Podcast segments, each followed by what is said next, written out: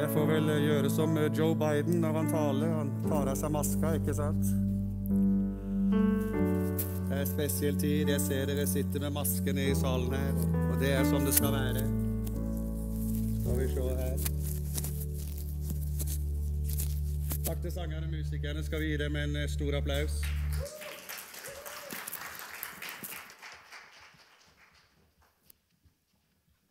Far i himmelen, jeg takker deg for at det er sant som vi sang. Jesus, du fortjener alt. Takk at uh, vi fikk lov til å bare tilbe deg og ære deg og få lov til å kjenne det, Jesus, at uh, det er sant, det vi synger. Vi ærer deg, Herre, vi tilber deg og løfter opp navnet ditt. Og takk at når vi nå går inn mot jul, og forventningen stiger inn mot julefeiring, og samtidig som det er litt vemod med tanke på restriksjoner og ting som gjør det litt vanskelig å, å komme sammen, Herre, likevel så vil vi bare fokusere inn på deg, Jesus Kristus, og feire deg. Vi vil feire deg ikke bare i gudstjenesteliv, men i vår hverdag. Fordi du er verdt det, Herre, fordi du kom. Og takk at eh, du kom, og det at du kom, det er den store forskjellen. Vi takker deg og priser deg i Jesu navn. Amen. Amen. Ja, Det er første gang jeg har prekt i Betel til folk som sitter med maske på, for jeg har et budskap som heter 'La maskene falle'. Eh, og eh, Noen er jo veldig opptatt av at man ikke skal miste ansiktet, så de tar maske på for ikke å miste ansikt. Og jeg sier til dem at det er jo nettopp når du har maska på, at du mister ansikt, for du har jo aldri vist det engang. Så eh, vi lever i ganske spesielle tider. Men jeg gleder meg til at eh, vi både bokstavelig talt skal få lov til å la maskene falle, men eh, også i overført betydning så tør vi å vise ansikt. Til og med Vips, vet du, for vi samla jo inn en gave på Vips, og til og med Vips nekta å godkjenne ansiktet mitt med maske på. For jeg har ansiktsgjenkjenning. Og når jeg har ansiktsgjenkjenning, ja, da må maskene falle, vet du. Så jeg fikk gitt mine 500 kroner når jeg tok vekk maska. Amen. Og alle folket sa Det var bra at pastoren ga 500 kroner, tenkte du. Ok, Det er herlig å være sammen, både her i forsamlingen med dere som har kommet hit, men det er også herlig at vi har teknologiske muligheter som gjør at vi kan nå langt ut. Eh, Pga. Eh, koronarestriksjoner osv. Så, videre, så, så, så er det jo sånn at eh, vi kan vel nesten si vår, ho, vår, vår, viktigste hovedtekniker som har holdt på i over 40 år, eh, som jobber på St. Olav. Han eh, er jo selvfølgelig offer for noen av de restriksjonene som handler om eh, sosial kontakt. i forhold til at Vi kan jo ikke risikere at Betel blir smittebærer inn i helseinstitusjoner. For vi tar ansvar nemlig i kirka her. Få en applaus for den. Vi tar nemlig ansvar i kirka her. Så gjør vi selvfølgelig så godt vi kan, men eh, vi kan jo aldri være garantert. Men vi gjør så godt vi kan og følger retningslinjene, også retningslinjer som vi ikke liker. Også de følger vi. Av hensyn til mennesker som eh, er i risikogrupper, og mennesker som kan eh, virkelig bli truffet hardt dersom smitten skulle spre seg enda mer. Men fordi eh, flere teknikere ikke kan være med på turnus i den tida vi er i nå, så er jeg veldig glad for at vi har en pastor som heter Thomas Kjørstad, som kjører lyd som tekniker her i dag. Skal vi gi han en applaus? Og så er jeg glad for Ken Tore Hanger, som eh, er på skjerm. Han er en sånn der, eh, kristenfolkets eh, tjenestebud. Han jobber rundt omkring i menighet etter menighet og i, i, i, regionen vår og tar en økt økt både her og der. Og nå er det vi som har gleden av å ha Ken Tore Hanger. Han er nybakt pappa, forresten. Skal vi gi han en applaus?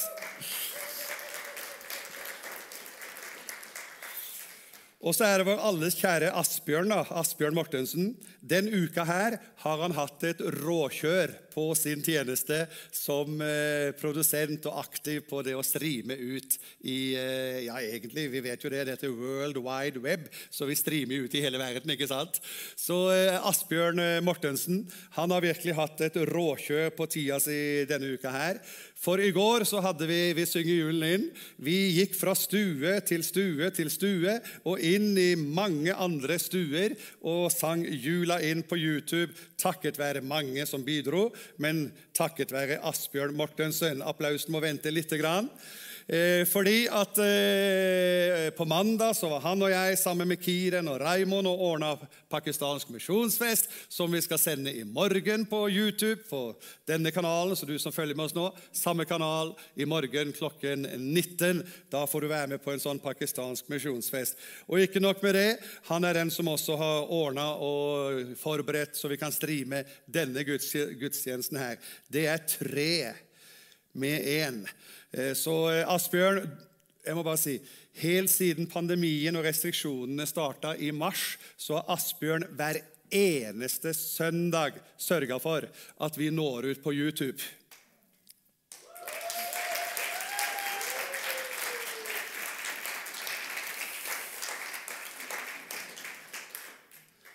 Til og med når han har hatt en liten weekend i Volda, så har han fjernstyrt vår YouTube-sending og fått det ut likevel. Jeg mener respekt. Og så er vi glad for Melanie Aas, som nå kjenner inni her. Inni her det banker litt inni hjertet, fordi at hun kjenner hun skal være med og bidra på det området her. Melanie Aas, hjertelig velkommen inn i den tjenesten her. Den er så viktig. Takk skal du ha. Takk skal du ha. Ok, da eh, har vi et tema for denne måneden her som eh, handler om Jesus som kommer. Ingrid prekte forrige søndag om Jesus som kommer igjen, altså Jesu gjenkomst, hans andre komme, og hva som eh, kommer til å prege det. Men eh, vi har i pastorsteamet også snakka om at vi skal formidle denne måneden her i desember hva som skjer i menneskers liv, og hva som skjer i byenes liv når Jesus får komme på banen. Jeg tror nemlig det at sangen til Åge Aleksandersen, 'Mykje lys og mykje varme', det er noe som Jesus har på sitt hjerte for å bringe inn i byer. Jesus bringer varme mot kulde, og Jesus bringer lys mot mørke. Jesus har aldri vært så opptatt med å forbanne mørket. Nei, han har vært mye mer opptatt med å være lys og tenne lys og skape eh, tro på framtida og gi håp. Så eh, jeg skal dele noen tanker her nå som handler om hva som skjer når Jesus kommer. Eh, et av de versene jeg liker best i hele Bibelen, det er det som jeg viser dere på skjermen her nå. Ordet ble menneske og tok bolig iblant oss, og vi så hans herlighet, en herlighet som den enbårne sønn har fra sin far, full av nåde og sannhet. Ordet ble menneske. Eller i en eh, gammel oversettelse ordet ble kjøtt. Altså ordet ble kropp. Ordet ble synliggjort. Ordet ble kroppsliggjort, kjødeliggjort. Hva er ordet? Jo, eh, vi vet jo faktisk at eh, Gud talte, og det skjedde. Han bød, og det sto der. Vi vet at alt som er skapt, er skapt ut fra Guds hjerte, som eh, formidla ord, som gjorde når han sa 'bli lys', ja, så ble det lys. Jeg er veldig glad for at Gud fortsatt har en skapende kraft som gjør at han fortsatt kan si til enkeltmennesker som uh, snubler litt rundt og famler litt rundt i mørket, og livet er vanskelig og livet er utfordrende Jeg er glad for å oppleve at uh, Gud fremdeles sier 'bli lys'. Og så skaper han lys inn i menneskers liv. Han taler. Ordet ble menneske og tok bolig iblant oss, og vi så hans herlighet en herlighet som den enbårne sønn fra sin far, full av nåde og sannhet. En vismann som heter Salomo, han eh, sier tilsvarende følgende.: Som en mann tenker i sitt hjerte, slik er han. Og Jesus sier tilsvarende i Matteus 12, 34, det hjertet er fullt av, flyter munnen over med. Det vil si, eh, ordet, det er tanker som kommer til uttrykk. Ordet er altså uttrykk for hvem vi er. Våre verdier, våre tanker, våre følelser, vår vilje, våre planer og våre drømmer, det vi kjenner pasjon for, det kles i ord. Med andre ord så er det slik at hvis du vil vite hvem du er, så må du lytte til hva du sjøl sier. Hør på hva du sier, så finner du ut hvem du er. Men da er jeg kjempeglad for å formidle til deg hvis du vil vite hvem Gud er, så skal du lytte til det han sier. Og jeg er veldig glad for at det han sier, det er ordet ble menneske og tok bolig iblant oss. Så Jesus han er selve uttrykket for hvem Gud er. Jesus er selve uttrykket for Guds personlighet, for Guds tanker, for Guds planer, for Guds drømmer, for Guds visjoner, for Guds frelsesplan, for Guds frelseshandling. Jesus er Gud. Det er litt applaus i pinsekirka her i dag. Jesus er Gud. Jesus er Gud! Fordi ordet ble menneske, og vi har jo et munnhell. Gjør som Gud, bli menneske. Så eh, det er flott at vi kan få lov til å leve som sanne, hele mennesker og få lov til å lære av Jesus, som ble menneske. Ordet ble menneske. Så sånn Gud tenker, slik er han, slik snakker han, og slik handler han. Så eh, når Ordet ble menneske og tok bolig blant oss Det står I Hebrebrevet så står det at i tidligere tider står det, så har Gud talt til oss gjennom sine tjenere, profetene. Men nå, sier han. Så det er et tidsskille. Men nå. Kan du si 'men nå'? Ja, jeg hørte det gjennom maska. Det var filtrert budskap. Men nå, men nå Altså Det er et nydelig uttrykk, for det skaper jo et skille. Før talte Gud gjennom sine tjenere, profetene, og så kommer det liksom Men nå. Men nå har han talt til oss gjennom Sønnen.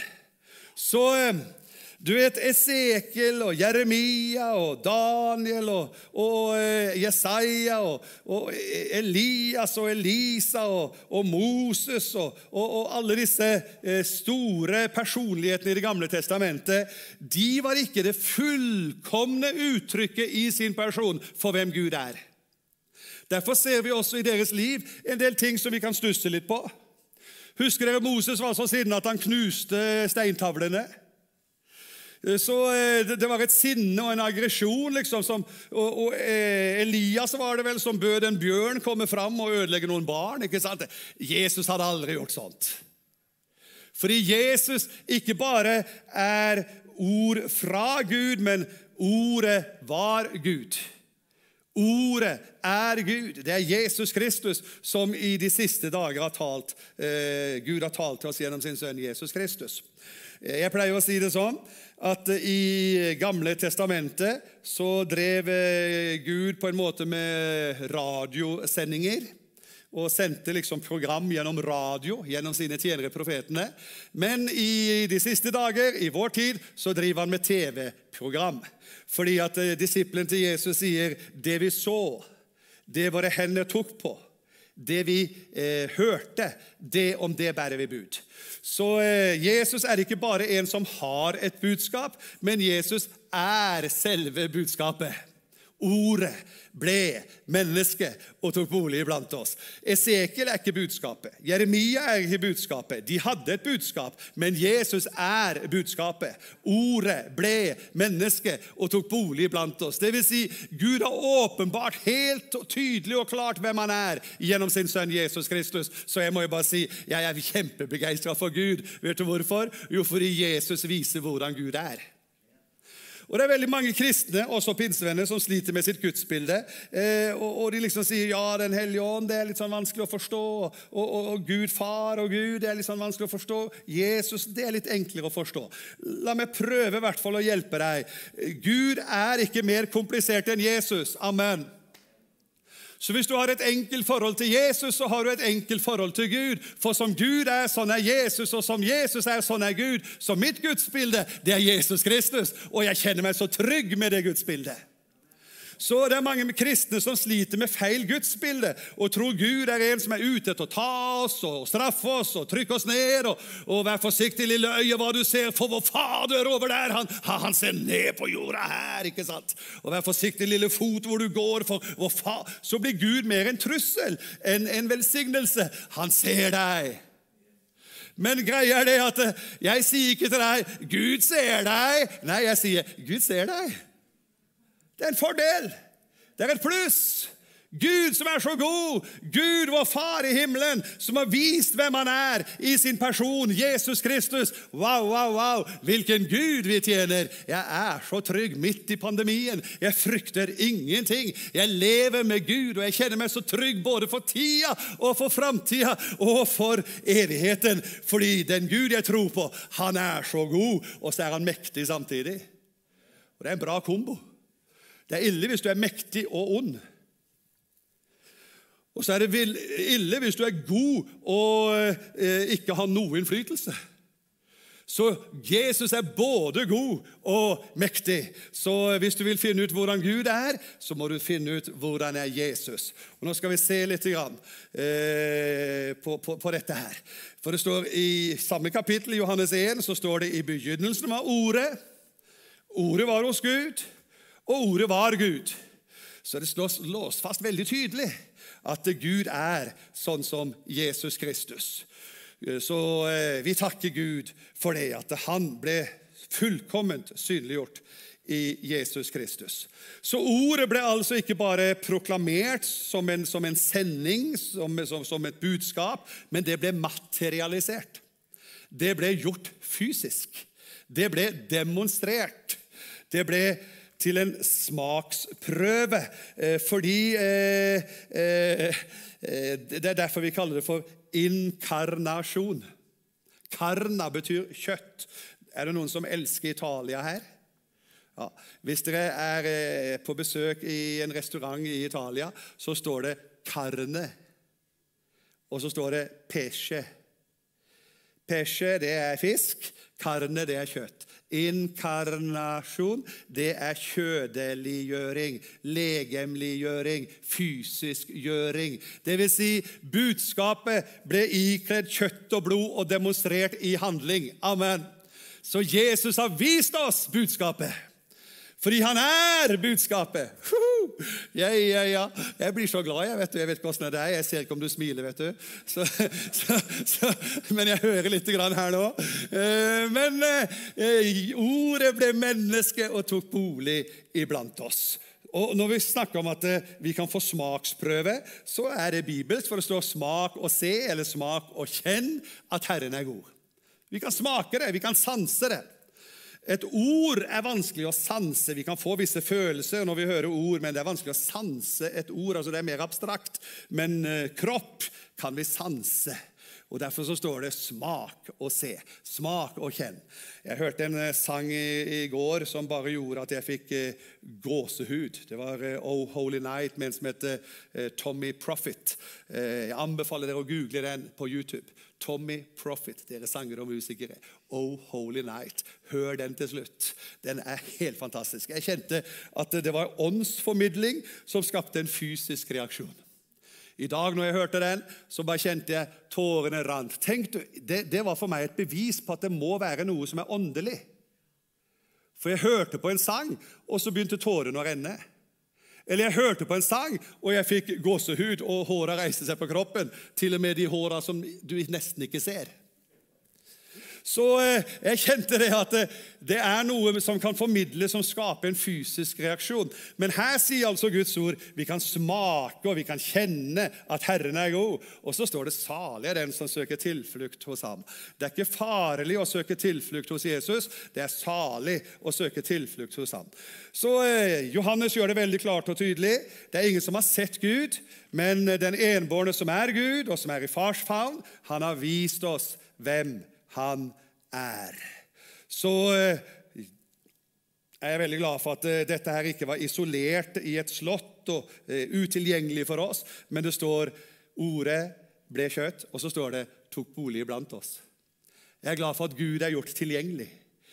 Vi, vi, trenger egentlig ikke be lenger 'Gud, hvorfor er du så langt borte?' Vi kan føle det sånn noen ganger, men, men egentlig så er det er blitt gjort tilgjengelig.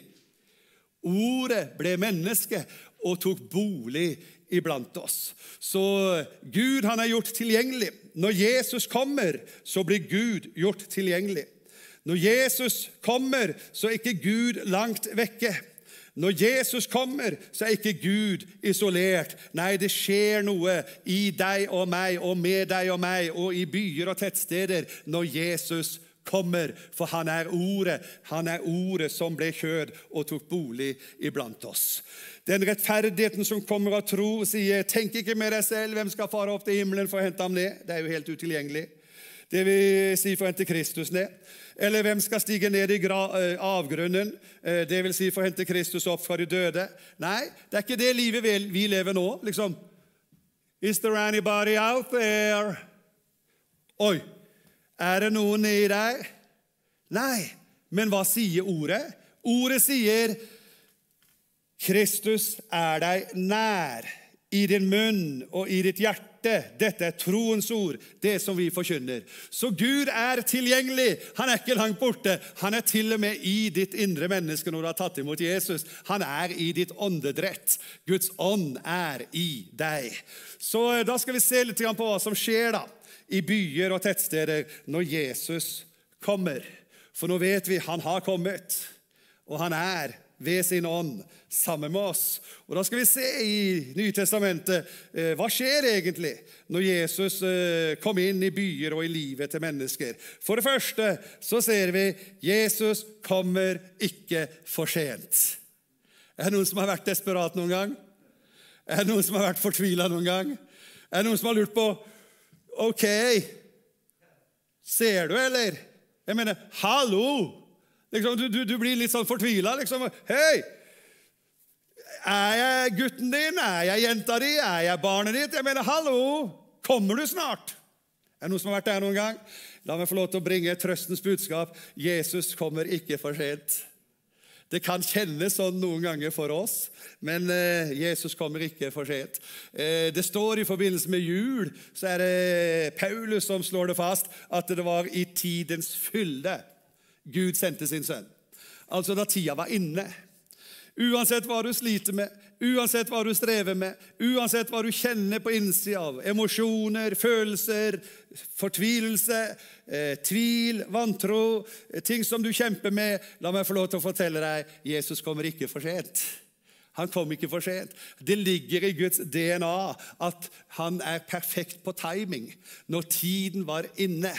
I tidens fylde sendte Gud sin sønn. Født av en kvinne, og alle mannfolk sa Ja, vi må, må sannelig men at bøye oss i ydmykhet, vi mannfolk. Frelseren ble født av en kvinne. Amen. Når vi har et kraftig ammen fra dere mannfolk. Ja, ikke sant? Takk, Maria. Amen. Det står i Bibelen, vet du. Alle slekter skal prise meg salig, står det. Vi pinsevenner vi har ikke helt praktisert det der.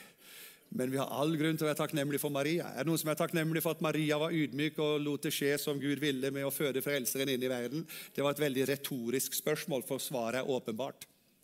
I tidens fylde sendte Gud sin sønn, født av en kvinne og født under loven. Han ble født under loven for at han skulle kjøpe dem fri som var under loven. Men Det har jeg ikke tid til å si litt om nå, men det kom i neste vers. Men eh, det jeg ønsker bare å slå et slag for Jesus er perfekt på timing. Han kommer når tida er inne. Han kommer ikke for sent. Det andre det er Jesus skaper glede når han kommer. Amen. Det blir glede der Jesus kommer. Eh, det blir ikke død og begravelse. Og det er ikke det han holder på å planlegge heller. Han holder på å planlegge bryllup. Altså, Gud er ekspert på fest. Og til og med så at han hadde påbudt Israel å ordne sju årlige fester. Tenk hvilket årshjul laga av Gud! Fest sju ganger i året. Amen. Store fester, skikkelige fester, svære barbecue-parties ordna av Gud. Må ikke komme her og tro at det å være, tro på Gud er å være hengehue og gå rundt og være deprimert rundt i denne verden, for jeg er jo kristen, da. vet du, Jeg er jo frelst, da. Det er ikke så greit, stakkar. Ja, vi kristne vi har også våre tøffe ting, men det er aldri på grunn av Jesus. Det er heller noen ganger på tross av Jesus. For Jesus er årsak til glede. For når Jesus kommer inn i livet, så skaper han glede. Eh, det står i Apostels gjerninger 8, 5-8, da Jesus allerede eh, gått hjem til sin far. Men så er det en evangelist som heter Philip, som kommer til en by som heter Samaria. er det vel? Kommer ned til hovedstaden i Samaria. Og så I den hovedstaden så var det veldig mye død og fordervelse og angst og frykt. og Det var en magiker som var byens store sønn, og folk var holdt i bann av, av denne magikeren. Og, og, og, denne magikeren han hadde full kontroll i byen. liksom. Og Så kommer evangelisten Philip til denne byen, eh, hovedstaden i Samaria. Og Jeg er så glad for at han ikke tar et oppgjør med New Age. Han tar ikke et oppgjør med trolldom. Han tar ikke et oppgjør med magi. Vet du hva han gjør istedenfor? Han forkynner Kristus.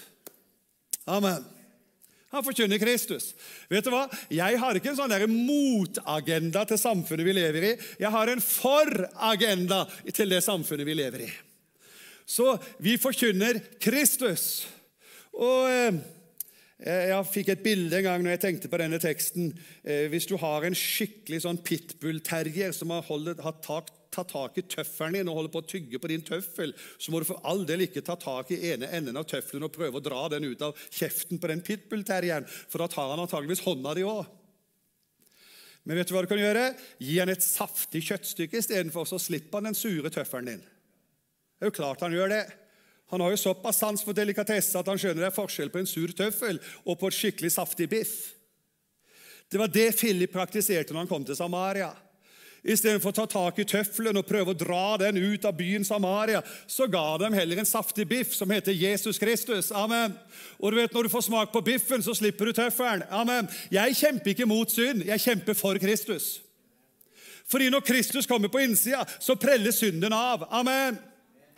For det er Jesus som er løsningen på problemet. Så jeg går ikke til angrep på problemet. Jeg presenterer løsningen. Come on!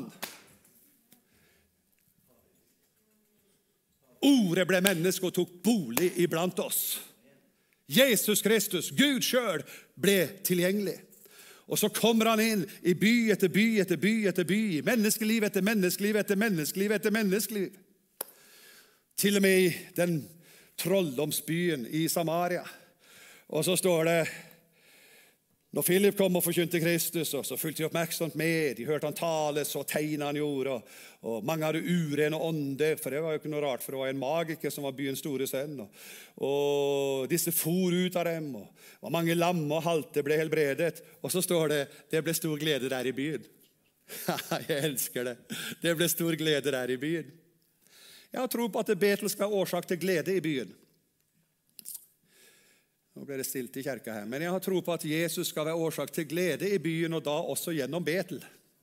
Denne menigheten skal være ikke en klamp om foten, men skal være vinger på ryggen til denne byen her. Denne menigheten her skal få lov til å presentere Jesus så det blir glede i byen. Og Jeg er så glad for at det står 'det ble stor glede der i byen'. Altså hele byen. Ikke Samaria øst og Samaria vest og Samaria sentrum. Altså Ikke Tiller og ikke Vikhammer og ikke Byåsen og ikke Heimdal. Nei, hele Trondheim. Hele Trondheim skal få høre om Jesus. Hele byen skal få tak i gleden av Jesus Kristus. Når Jesus kommer, så skaper han glede i byen. Eh, jeg bare sier, Da jeg ble frelst og tok Jesus inn i livet, så var ikke det en sorgens dag i mitt liv. Det var en gledens dag i mitt liv. For når Jesus kommer inn, da kommer han inn og skaper glede. Det betyr ikke at er, eh, liksom resten av livet er bare en dans på roser. Nei, vi får våre tøffe ting, men Jesus han er inni der og får produsere glede. For åndens frukt er glede. Og Den hellige ånd og Jesus de jobber godt i lag og produserer glede. Og Jeg har veldig tro på eh, tro mot mismot. Jeg har tro på håp mot alle odds. Og jeg har tro på kjærlighet i alt så blir de stående, disse tre. De ramler ikke om kull. De ramler ikke sammen. Nei, de blir stående, disse tre. Tro, håp og kjærlighet. Størst blant dem er kjærligheten, men alle blir stående. Og først er troen. Når Jesus kommer, så formidler han verdighet. Vi kjenner historien om den samaritanske kvinnen som eh, Jesus møter med respekt og verdighet. og skal ikke gå inn i hele historien, men vi skjønner ut fra konteksten, og bibelfortolkere eh, legger dette ut, at eh, denne kvinnen som Jesus gir rett når hun sier 'jeg har ingen mann', og så sier han ja, der talte du sant, sier Jesus, for du har hatt fem menn. Han bekrefter det hun sier. Og så sier han, for du har hatt fem menn, og den mannen du nå har, er ikke din mann. Og, og da er det veldig mange som tenker at når, Jesus, når, når denne kvinnen kommer ut midt på dagen, når sola står som høyest på himmelen, så er det fordi at hun var eh, social outcast, altså hun var et utskudd i samfunnslivet. For brønnen var datidens Facebook. Det var der informasjonene ble utdelt. Så hun var ikke med i fellesskapet. Hun, eh, hun, var blokkert, kan du si. Så hun kommer når ingen andre er der, men til sin store overraskelse er det en jødisk mann til stede ved brønnen. For Jesus han måtte reise gjennom Samaria, noe han aldeles ikke måtte. For han burde egentlig ha reist utenom Samaria opp til Galilea. Men eh, fordi Den hellige ånd var over Jesus, så hadde han en, en, en, en avtale med en kvinne ved Sykars brønn. Det var Den hellige ånd som hadde ordna det, så han måtte jo da selvfølgelig for å holde avtalen måtte han reise gjennom Samaria. Alle andre jøder reiste utenom Samaria. Men Jesus kom til en by som heter Sykar, og like ved det jordstykket Jakob ga sin sønn Josef. Og så har han et møte med denne kvinnen, som egentlig er full av skam og full av forakt og et utskudd.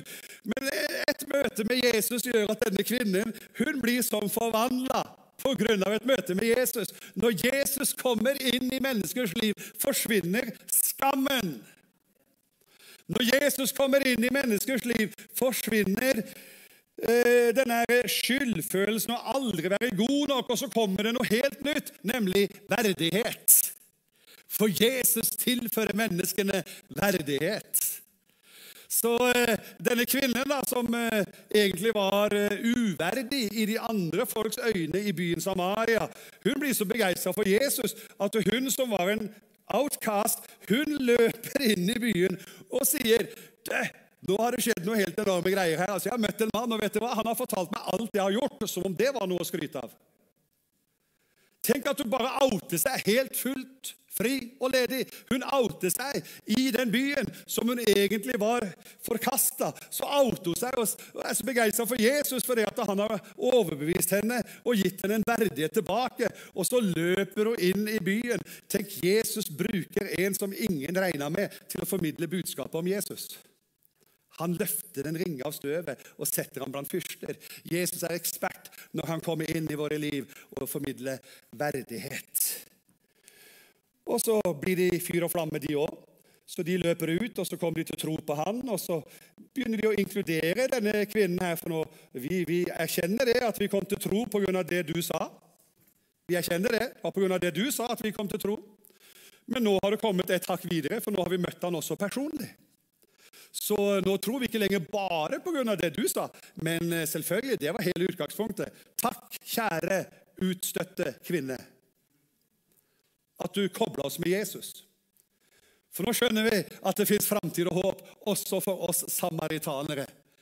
Tenk at det ble formidla fra en jøde som ble korsfestet, og Pilatus skrev 'jødenes konge'. Han formidla verdighet til samaritanere som kanskje i dag ville vært eh, romfolket i Norge. Som kanskje ville vært eh, fremmede og utlendinger i Norge. Jesus regner med mennesker og gir verdighet til mennesker av alle slag. Jeg er så begeistra for Jesus. Hvilken herre og hvilken frelser. Så når Jesus kommer, så har han empati med mennesker som han kommer til. Han kommer liksom ikke ovenfra og ned. Nei, han gikk jo dypest ned. Han kom ovenfra, men han gikk dypest ned. Han har empati med deg og meg. Da Jesus kom nærmere Jerusalem og så byen, så står det han gråt over den og sa hadde du bare på denne dagen forstått du også hva som tjener til fred, men nå er det skjult for øynene dine, men en dag så skal det åpenbares. Det sier Guds ord på andre skriftavsnitt. Men eh, han har empati med byen. Han har empati med Trondheim. Han har empati med Jerusalem. Han har empati med Berlin, med London, med New York, med Washington, med Istanbul, med Moskva, med Beijing. Jesus har empati med byene i verden. Hvorfor det? For det finnes folk der. Vet du, Når jeg møter mennesker, så møter jeg ikke i første rekke en muslim eller en hindu eller en buddhist. Jeg møter et menneske. Det er viktig at vi møter mennesker som mennesker. Og Jesus møtte mennesker som mennesker. Uten å kategorisere og sortere inn og sortere ut. Ikke noe sorteringssamfunn i Jesu hjerte. Nei, han er en inkluderende Gud. Han har empati med byer og med mennesker. Ja, det står, Han vandra nå omkring i alle byene og landsbyene. står det. Og så står det at han underviste, han forkynte, han helbredet. Og så står det når han fikk så folkemengde, så står det at han fikk inderlig medfølelse med dem. Det er empati. Så når Jesus kom inn i en by, så kom han ikke for å gjøre livet vanskelig. Han kommer inn med forståelse. Han kommer inn med empati. Han kommer inn med en som forstår hva det vil si å være menneske. For Hebrebrevets forfatter sier vi har ikke en øverste prest som ikke har medlidenhet med oss i vår svakhet, men en som er prøvd i alt, på samme måte som oss, men eh, uten å ramle i synd. Så Jesus han har empati med deg og meg når han kommer. Og så gir han håp om hjelp. Han kom inn i en by, det var egentlig hjembyen hans. Hjembyen hans var Kapernaum. Eh, og Han kom inn i Kapernaum, kom hjem. og Da var det en offiser eh, som hadde en tjener som var syk. og Han kommer til han, og så ber han han om hjelp. Og så forstår denne offiseren eh, dette her med tro og autoritet. og Han sier at eh, men Jesus, du er en så hellig og ren person. Og han sier jeg er ikke verdig engang at du kommer inn i mitt hus. Jesus tenkte ikke sånn. Men Jesus ble skikkelig imponert av hans tro. Fordi at Offiseren han sier at eh, du kan jo egentlig bare si et ord. Ordet ble kjød og tok bolig blant oss. Når ordet taler ordet, da skjer mirakler. Da skjer tegn og under. Når ordet formidler ordet, når Jesus taler, da skjer det. Det skjer noe i våre liv. Og Denne mannen han sier at jeg er jo en offiser, jeg har jo mennesker under meg og soldater som jeg eh, gir befalinger, og så gjør de det som jeg sier. Og så har jeg noen som er over meg, og når de befaler, så gjør jeg det de sier. Så du, Jesus, Han skjønte at Jesus hadde autoritet. Han skjønte at Jesus hadde muligheter til å gjøre noen ting. Og Så kommer han hjem og så ser han tjeneren har blitt frisk. Og han har vel egentlig blitt frisk i samme stund som Jesus talte et ord. Så Det er også en greie da, som jeg ikke skal ta opp nå, men det fins ingen distans i Jesus. Det er nærhet. Han taler, så skjer det i det han snakker. Jesus skaper begeistring og bevegelse når han kommer. Dere har kanskje sett det her illustrasjonen som er på skjermen her. Det er inntoget eh, i Jerusalem på palmesøndag når Jesus kommer inn i Jerusalem. Da vet vi at da Jesus kom inn i Jerusalem, så skapte han begeistring og bevegelse. Det var en kjempestor folkemengde. Og De la klærne sine ut på veien, og de hylla han som konge. og De skar grener av trærne og spredte dem utover veien. og Folkeskaren som gikk foran, og de som fulgte etter, ropte uh, ut og sa Hosianna, Davids sønn, velsignet være han som kom i Herrens navn. Hosianna i det høyeste. Og så står det da han var kommet inn i Jerusalem, ble hele byen satt i bevegelse. Jeg elsker det. Hele byen ble satt i bevegelse. Det er noe med når Jesus kommer inn i en by, så skjer det noe. Når Jesus får rom i det offentlige rom, når Jesus får rom i samfunnet, da skjer det noe.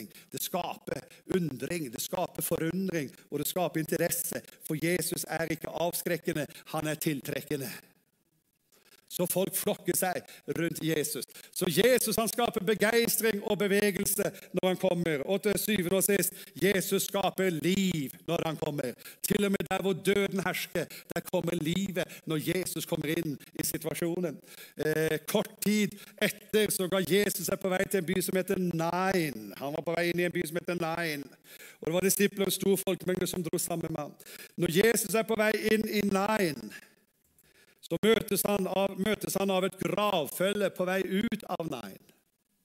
Og Det er en enke som har mista sin sønn.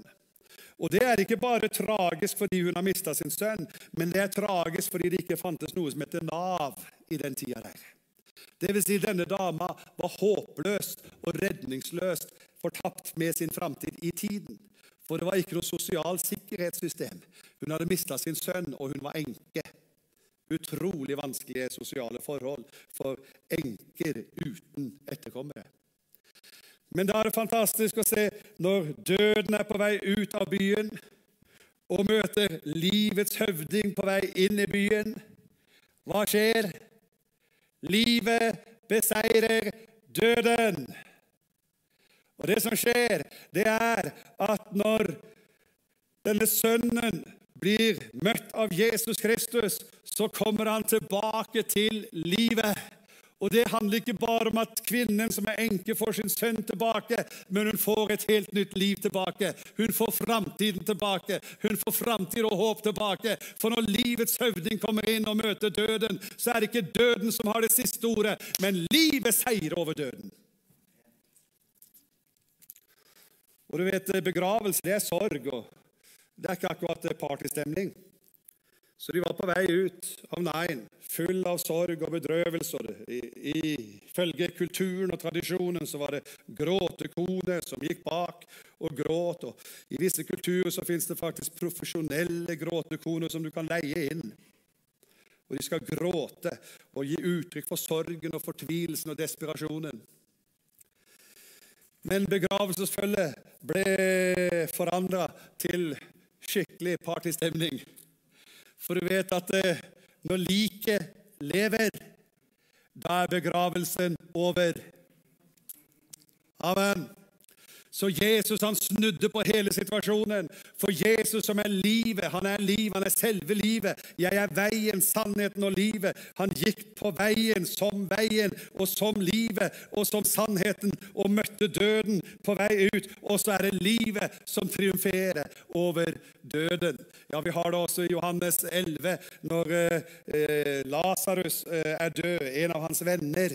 Og Der har vi også eh, tilbake til temaet 'Jesus kommer aldri for seint'. Men det så ganske så veldig for seint ut. Eh, han hadde ligget død i flere dager, og det lukta allerede av han, sier søstrene Martha og Maria. Men Jesus møter dem med håpet. Han sier, 'Jeg er oppstandelsen og livet', sier han. 'Den som tror på meg, skal leve om han enn dør'. Så vi er i livets tjeneste. Vi er ikke i dødens tjeneste, for når Jesus kommer inn, så skaper han liv. Han skaper begeistring. Han skaper framtid og håp.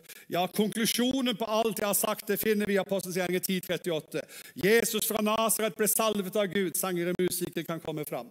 Jesus fra Nasaret ble salvet av Gud med hellig ånd og kraft. Og han gikk omkring overalt og gjorde vel og helbredet alle som var underkuet av djevelen, for Gud var med ham. Det skjer når Jesus kommer inn.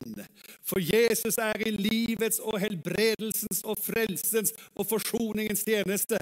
Så når han går rundt omkring, og han eh, gikk rundt omkring, eh, salvet av Gud med helgen og kraft, da det skjedde, så skjedde det noe i fotsporene av Jesus, nemlig folk som eh, var desperate, opplevde han gjør vel. Folk som var syke, opplevde han helbreder. Folk som var undertrykt, opplevde de ble oppreist. Hvorfor? For Gud var med ham. Hvorfor var Gud med ham? Jo, for han er jo ordet som ble menneske og tok bolig blant oss. Han er jo selve Gud. Så når Jesus kom inn i byen, da er det alle Guds fantastiske eh, egenskaper som demonstreres gjennom han. Så jeg bare takker Gud for at også her i dag så kan Jesus holde inntog i menneskers liv. Han kan holde inntog i ditt liv. Han kan holde inntog i ditt liv som følger oss på YouTube. Han kan holde inntog i ditt liv som sitter her i forsamlingen. Bak eh, din eh, ytre fasade, så ser Jesus hva som rører seg i det indre mennesket. Og så vil han holde inntog. Han vil gå inn i livet ditt og skape noe som gir deg glede. Skape noe som gir deg tro på framtid. Skape noe som fjerner sorg og fortvilelse og bringer liv og helse og sunnhet. Fordi Jesus, han er i denne tjenesten. Det var det han holdt på med. Så eh, Jesus kommer. Jeg ser fram til at han kommer tilbake helt og fullt. Men mens han venter på å komme tilbake helt og fullt, for han har jo rett timing på det også, men mens han venter, så holder han på ved sin ånd og holder inntog i menneskers liv rundt omkring i hele Trondheim. Rundt omkring i denne byen så er Jesus en som kommer inn i menneskers liv. Far i himmelen, jeg takker deg. Takk at du kommer inn i våre liv som framtid og håp, ja, som ordet som ble menneske og tok bolig iblant oss. Takk, Herre, at når du kommer inn i våre liv, så blir det forandring. Fordi du er en god far, du er en god Gud, du er en god venn, du er en god frelser, du er en god Herre. Takk, Jesus, at eh, du ble sendt av Gud Far for å skape forandring inn i denne verden. Takk at vi kan få lov til å eh, kjenne at vi har tro midt i eh, utfordrende tider, fordi du, Jesus, er vår tro. Vi tror på deg, og vi elsker deg, og vi har framtid på grunn av deg. Herre, jeg ber mennesker som sitter her, de skal oppleve Gud og bli berørt av deg og få en ny berøring, en ny touch av himmelen, som gir at det blir framtidsperspektiv og tro og opprettelse og, og fornyelse og, og, tilgivelse og forsoning. Takk, Jesus, at det skjer når du kommer inn i situasjoner. Mennesker som følger oss på YouTube, takk at du kommer inn i stua, du kommer inn i menneskers liv, skaper forandring, skaper tro på framtid, skaper noe helt nytt, Herre, som bare du kan gjøre. Jeg priser deg og takker deg for det i Jesu navn. Amen.